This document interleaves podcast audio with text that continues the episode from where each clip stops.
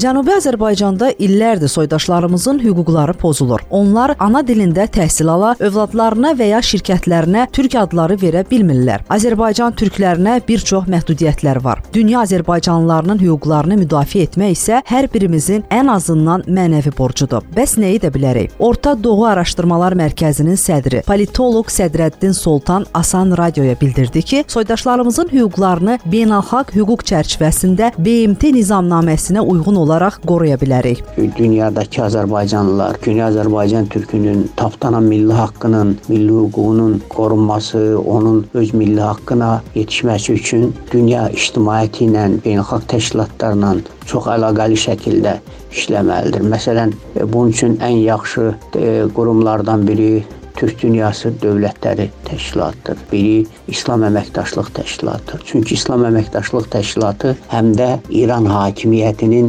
riyakar və saxtakar olduğunu demək üçün böyük bir tribunadır. Üstəgələk İranda təkcə türklərin deyil, eyni zamanda başqa müsəlmanların, ərəblərin, bəlucuların, türkmənlərin, sairlərinin milli mədəni haqqları pozulur. Müsahibimiz bildirdi ki, soydaşlarımız Cənubda Azərbaycan milli hökumətinin bərpası istiqamətində fəaliyyət göstərə bilər. Buna tam tarixi, mənəvi hüquqi haqqı var. İran konstitusiyasında dəyişikliklər edilib bu hüququ genişləndirmək olar. İran konstitusiyasının mövcud konstitusiyada federallaşma üçün bir sıra əsasları var. Düzdür, İran hazırki konstitusiyasına görə unitar dövlət sayılır. Amma İran konstitusiyasında federallaşma üçün bir sıra işarələr var. Məsələn, əyalətlər var, əyalət məclisləri var və s. bunlar hamısı federallaşmanın göstəricilərdir və əyalət valiliklər var və s. Yəni İranın federallaşması üçün perspektivə bu məsələlər var. Əvvəllər İranda bu istiqamətdə addımlar atılmağa cəhdlər göstərilibdir ki, ölkəni federallaşsın iqtisadi əsaslardan